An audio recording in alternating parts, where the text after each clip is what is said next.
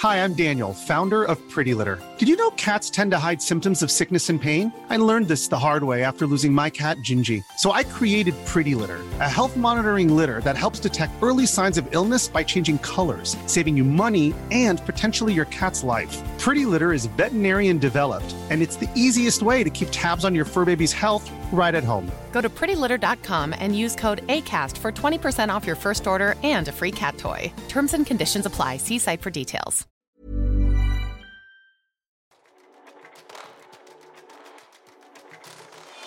Hei og velkommen til Teknologitrender, serien som tar et entusiastisk, men også et kritisk blikk på hvordan teknologi og digitalisering endrer og påvirker våre liv og næringsliv. Episoden presenteres av AI Khan, konferansen om AI og innhold som blir arrangert 14.3 i Oslo av Knowhouse. Gå inn på ai-con.no, aicon.no, og bruk rabattkoden HPN Hansen, så får du 1000 kroner i rabatt når du kjøper din billett. Helt siden tidenes morgen altså har vi mennesker utviklet nye kommunikasjonsverktøy for å nå flere og nå lengre. Fra trommer, røyksignaler, varder og radiosignaler ja, så har kommunikasjonsteknologi skapt endringer. Og opp gjennom historien har kommunikasjonsløsninger blitt brukt til å beskytte seg mot ytre fiender, eller til å angripe dem. Ytre fiender var også det opprinnelige motivet for utviklingen av Internett. Altså Under den kalde krigen utvikla det amerikanske forsvaret ARPANET, som er en forkortelse for Advanced Research Projects Agency Network. Nettverket skulle overleve en eventuell atomkrig, og da med Sovjetunionen. 29.10.1969 ble den første meldingen sendt over ARPANET. Det første ordet skulle være login, men allerede etter de to første bokstavene krasja systemet. Rett før jeg ble født, i november 1971, lanserte Intel verdens første kommersielle mikroprosessor. Intel 4004 var en firebits prosessor som inneholdt 2600 transistorer, og som da kunne håndtere 640 byte av eksternt minne.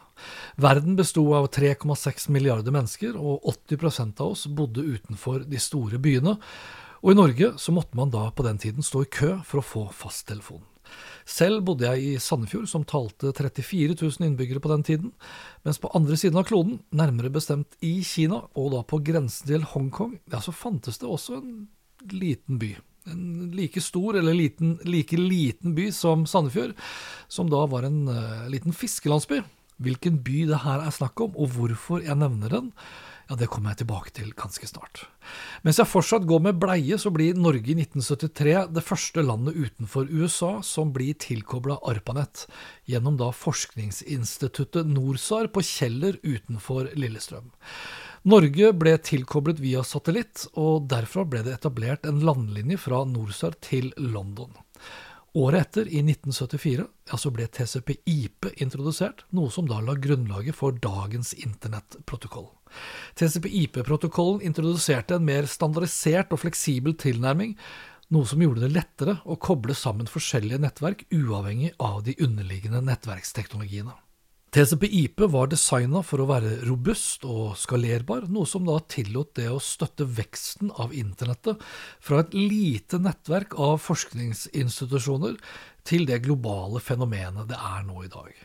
Det internett vi har i dag, ja, det kan vi takke Vint Cerf og Bob Kahn for. Først ni år etter at TCP-IP ble introdusert, så erstattet det NCP-protokollen hos ARPANET, som da markerer starten på det moderne internett vi kjenner i dag. Og da Wargames dukket opp på norske kinoer i 1983, ja, da lever den kalde krigen i beste velgående. Filmen handler om en ung datanerd som finner en bakdør inn i Pentagons sentrale nettverk, og er på god vei til å starte tredje verdenskrig fordi han tror han spiller et dataspill. Her får vi også for første gang høre datamaskinen snakke, i det som ser ut som en supercomputer utstyrt med kunstig intelligens. Shall we play a game? How can ask you that? How about global thermonuclear war? Fine. All right. I tillegg til at jeg begynte å programmere et tilsvarende spill på min Commodore 64, så kjøpte jeg meg et modem på 300 båd, sterkt inspirert av Wargames-filmen. Med modemet begynte en kompis og jeg å ringe opp til en amerikansk BBS, som da er en forkortelse for Bulletin Board System, og i motsetning til dagens internett var hver BBS en selvstendig enhet som kun klarte å håndtere noen få brukere om gangen, avhengig av hvor mange telefonlinjer og modemer de hadde tilgjengelig. Og gjennom disse BBS-ene bestilte vi piratkopierte spill som ble sendt til oss på 5,25 toms disketter. To til tre uker etter at vi hadde bestilt diskettene, så henta vi dem på postkontoret i Sandefjord sentrum eh, og arrangerte våre egne små datatreff. Vi kalte oss på den tiden for The Bugs, hvor vi spiste potetgull, drakk gransbrus og hacka dataprogrammene slik at vi bl.a. kunne bruke grafikken og musikken til våre egne spill og programmer. Nå sier kanskje ikke 300 båd så veldig mye, men det var alt annet enn bredbånd. Hvis jeg hadde tatt frem modemet mitt i dag for å laste ned en 4K-versjon av Wargames via Netflix, så ville det tatt seks år. 300 båd tilsvarer en hastighet på beskjedne 0,3 kilobit per sekund. Tilsvarende 0,5% av ISDN-hastigheten for de som tar den referansen. Tre år senere, i 1986, altså begynner verden å se litt mindre kald ut, og ARPANET ble utvidet til NSF-nett, som inkluderte da nettverk for amerikanske utdannings- og forskningsinstitusjoner. I 1989 faller Berlinmuren og markerer starten på slutten på den kalde krigen, og starten på slutten for Sovjetunionen, som faller sammen to år senere. Det vi er vitne til ved inngangen til 90-tallet, er på mange måter også starten på dagens globalisering og frihandel som vi nå ironisk nok da er i ferd med å se slutten på. De kommende årene er uansett preget av fremtidsoptimisme, anført av teknologiutviklingen. Året etter, i 1990, utvikler Tim Berners-Lee World Wide Web, som kort tid senere revolusjonerer internett ved å introdusere websider. Og tre år senere, i 1993, blir Mosaikk den første grafiske nettleseren, og i 1995 blir internett tilgjengelig for kommersielt bruk. Og Det samme året endres Mosaikk til Netscape, og grunnleggeren Mark Andreessen ser at selskapet sitt blir verdens raskeste til å oppnå 1 milliard dollar i børsverdi. Da første børsdag er over, er Netscape, altså nettleseren Netscape, verdsatt til over 2 milliarder dollar. Internettrevolusjonen er for alvor i gang. I 1994 slutter forresten en visepresident i et forholdsvis ukjent finansselskap jobben sin for å starte en nettbutikk som får navnet Amazon. Året etter begynner jeg å jobbe hos en liten IT-distributør, bl.a. med å selge Cisco-rutere og Netscape Navigator. Sistnevnte på 3,5 toms disketter sendt til kunder via posten. Nå teller verdens befolkning hele 5,75 milliarder, tilsvarende en vekst på over 2 milliarder mennesker på bare 25 år. Så langt så er det kun 16 millioner mennesker globalt som er på internett. Knappe 250 000 av dem kommer fra Norge, og jeg lanserer min første nettside, Cybersofa. Intels kraftigste mikroprosessor har nå passert 5 millioner transistorer, og er optimalisert for 32-bits-applikasjoner. To år senere, i 1997, begynner jeg som forhandleransvarlig hos Cisco i Norge, som ansatt nummer ti. Historien har lært oss at vi dessverre ikke lærer av historien. Cisco, som i metaforisk forstand lagde og solgte spader til gullgraverne under gullrushet på 1800-tallet, ble rett før dotcom-boblen sprakk verdsatt til over 500 milliarder dollar, og med det så var Cisco verdens største selskap i børsverdi. På samme måte som så mange ganger før ble dotcom-boblen nok et eksempel på vår overdrevne tro på effekten av ny teknologi på kort sikt.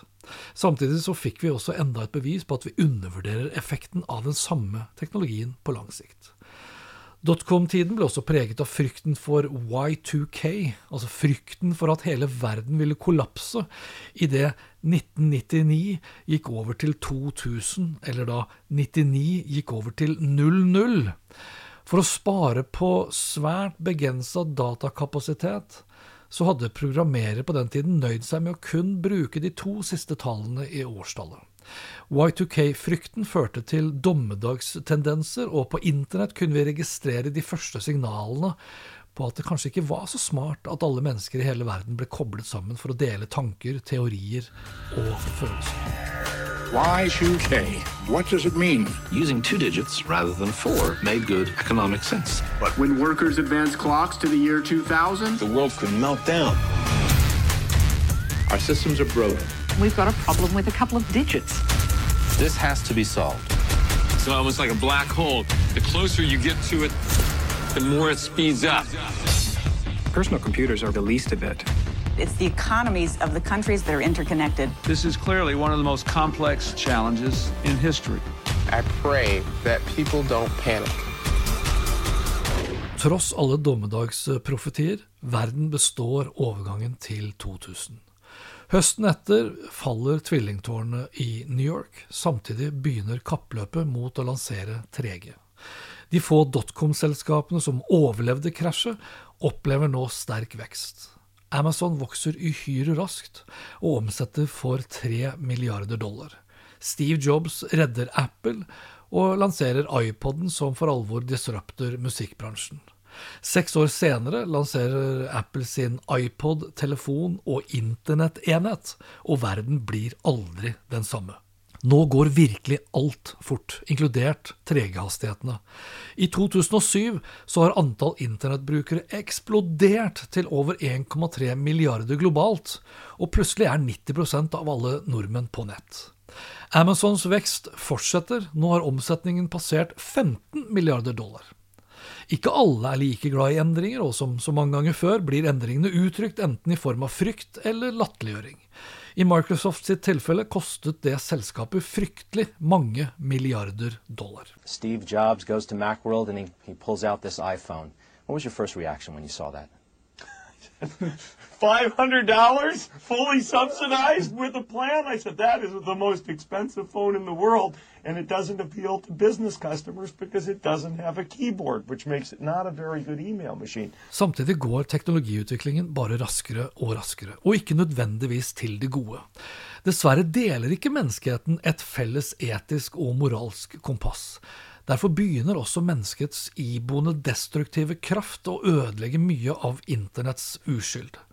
Sosiale medier og algoritmer som først ble hyllet for å demokratisere ordskiftet, for å bringe demokratiske verdier til en rekke arabiske land og til at Barack Obama ble president i USA, blir nå i stedet misbrukt for å manipulere, polarisere og spre falske nyheter. Cambridge Analytica, brexit, Trump, statssponsa cyberangrep, hatkriminalitet og falske nyheter vokser i et eksponentielt tempo. Teknologien som skulle koble oss sammen, begynner i stedet å splitte og isolere oss, og nesten ingen snakker lenger om at sharing is caring. Samtidig har vi aldri vært like avhengig av den samme teknologien, eller mer sårbar. Nå har det gått et halvt århundre siden ARPANET og de første mikroprosessorene. Sandefjord har doblet seg i størrelse, mens den jevnstore fiskelandsbyen fra Kina ja, den har vokst seg til over 13 millioner innbyggere. Fisk er i tillegg byttet ut med teknologi, og Chen-Chen, som er navnet på denne byen, produserer nå 75% av all forbrukerteknologi i verden. Verden har i tillegg vokst til over 8 milliarder, alle er i praksis på internett, og nå bor det flere mennesker i de store byene enn ute i landsbyene. Og mikroprosessorene har i løpet av de samme årene opplevd en eksponentiell reduksjon i størrelse og pris, og en tilsvarende vekst i datakraft. Mens Intels 4004-prosessor fra tidlig 70-tallet hadde 2600 transistorer, har den siste prosessoren til Apple, M3, hele 92 milliarder, og kan håndtere nærmere 40 trillioner operasjoner i sekundet, og er bygd på en 3 nanometer arkitektur av TSMC på Taiwan, som nå har 97% markedsandel globalt. For ordens skyld og til sammenligning så er et normalt hårstrå på et sted mellom 50 000 til 100 000 nanometer i bredden. Dette er science fiction i virkeligheten, og avstanden mellom nettopp science fiction og science fact blir bare kortere og kortere, raskere og raskere. Kombinasjonen av en helt vanvittig datakraft, milliarder av brukere og fryktelig mye data som blir lagret på internett, fører til det største Jesus-øyeblikket siden Jesus' fødsel. Jeg snakker selvsagt om 30. november 2022, da OpenAI lanserte ChatGPT, og verden fikk øynene for alvor opp for alle muligheter og trusler den kunstige intelligensen fører med seg. Nå har for øvrig Amazons omsetning vokst til over 550 milliarder dollar, og stadig mer makt sitter på stadig færre mennesker. Det internettet man drømte om skulle demokratisere og desentralisere kommunikasjon og makt, har i stedet endt opp med å gjøre akkurat det motsatte. I tillegg til at kommunikasjonsmulighetene har ført til økt polarisering, splittelse, hat og mistro, så eksploderer også konspirasjonsteoriene, samtidig som tilliten til redaktørstyrte medier stuper. Fallende tillit fører til økt nasjonalisme, vaklende demokratier og frykt for at kunstig intelligens skal tilintetgjøre oss alle. Eller manipulere oss til at vi tilintetgjør oss selv. Den pågående cyberkrigen mellom USA og Kina fortsetter å eskalere. Pandemien har ødelagt forsyningskjeder for lang tid inn i fremtiden. Russland har gått til krig mot Ukraina, Israel har gått til krig mot Hamas, og konfliktene i eh, Midtøsten blir stadig mer omfattende. Samtidig så skal store deler av verden i 2024 velge sine nye ledere. Valg som i stor grad vil bli avgjort av kommunikasjonen på internett, og som vil bli påvirket av deepfakes, kunstig intelligens og av all sin manipulerende kraft. Kraft som de får ved hjelp av de store amerikanske og kinesiske teknologiplattformene, og som ingen myndigheter ser ut til å ville regulere tilstrekkelig. Velkommen til den kalde krigen 2.0. Så hva er løsningen? En av løsningene kan være å flykte inn i metaverset, enten med Quest 3-brillene til Metamark, som koster 7000 spenn, eller Tims sine AR-briller, eller MR-briller, Vision Pro, som sannsynligvis vil koste nærmere 50 000 kroner, om de da noensinne blir lansert i Norge, før da neste generasjon blir lansert, og da selvsagt til en mye lavere pris. Det ryktes faktisk om en ny versjon allerede, Apple Vision Air, som skal koste en tredjedel. Alternativt kan du selvsagt velge å legge internettets destruktive kraft bak deg og oppsøke naturen med den helbredende effekten det har, både på den psykiske og fysiske helsen, men da må du forte deg, for vi mennesker er i ferd med å ødelegge naturen også. Du kan også satse på å bli med Elon Musk til Mars, enten som et menneske, men om du skulle leve lenge nok, så vil jo både hjernen og bevisstheten vår også bli digitalisert, og da kan du jo heller lastes opp og streames over til en humanoid android som står og venter på deg som sin nye vert på Mars.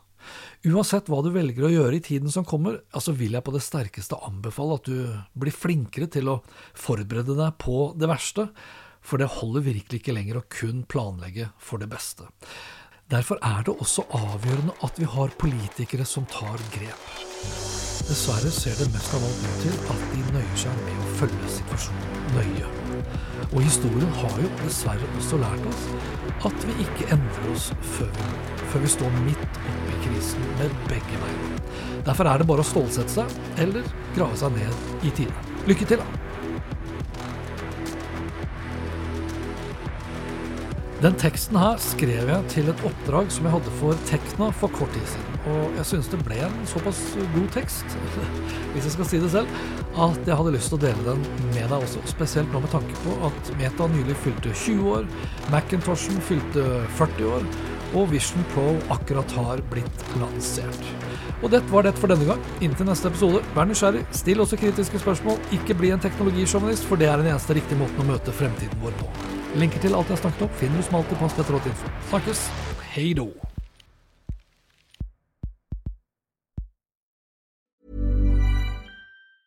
Hi, I'm Daniel, founder of Pretty Litter. Did you know cats tend to hide symptoms of sickness and pain? I learned this the hard way after losing my cat, Gingy. So I created Pretty Litter, a health monitoring litter that helps detect early signs of illness by changing colors, saving you money and potentially your cat's life. Pretty Litter is veterinarian developed, and it's the easiest way to keep tabs on your fur baby's health right at home. Go to prettylitter.com and use code ACAST for 20% off your first order and a free cat toy. Terms and conditions apply. See site for details.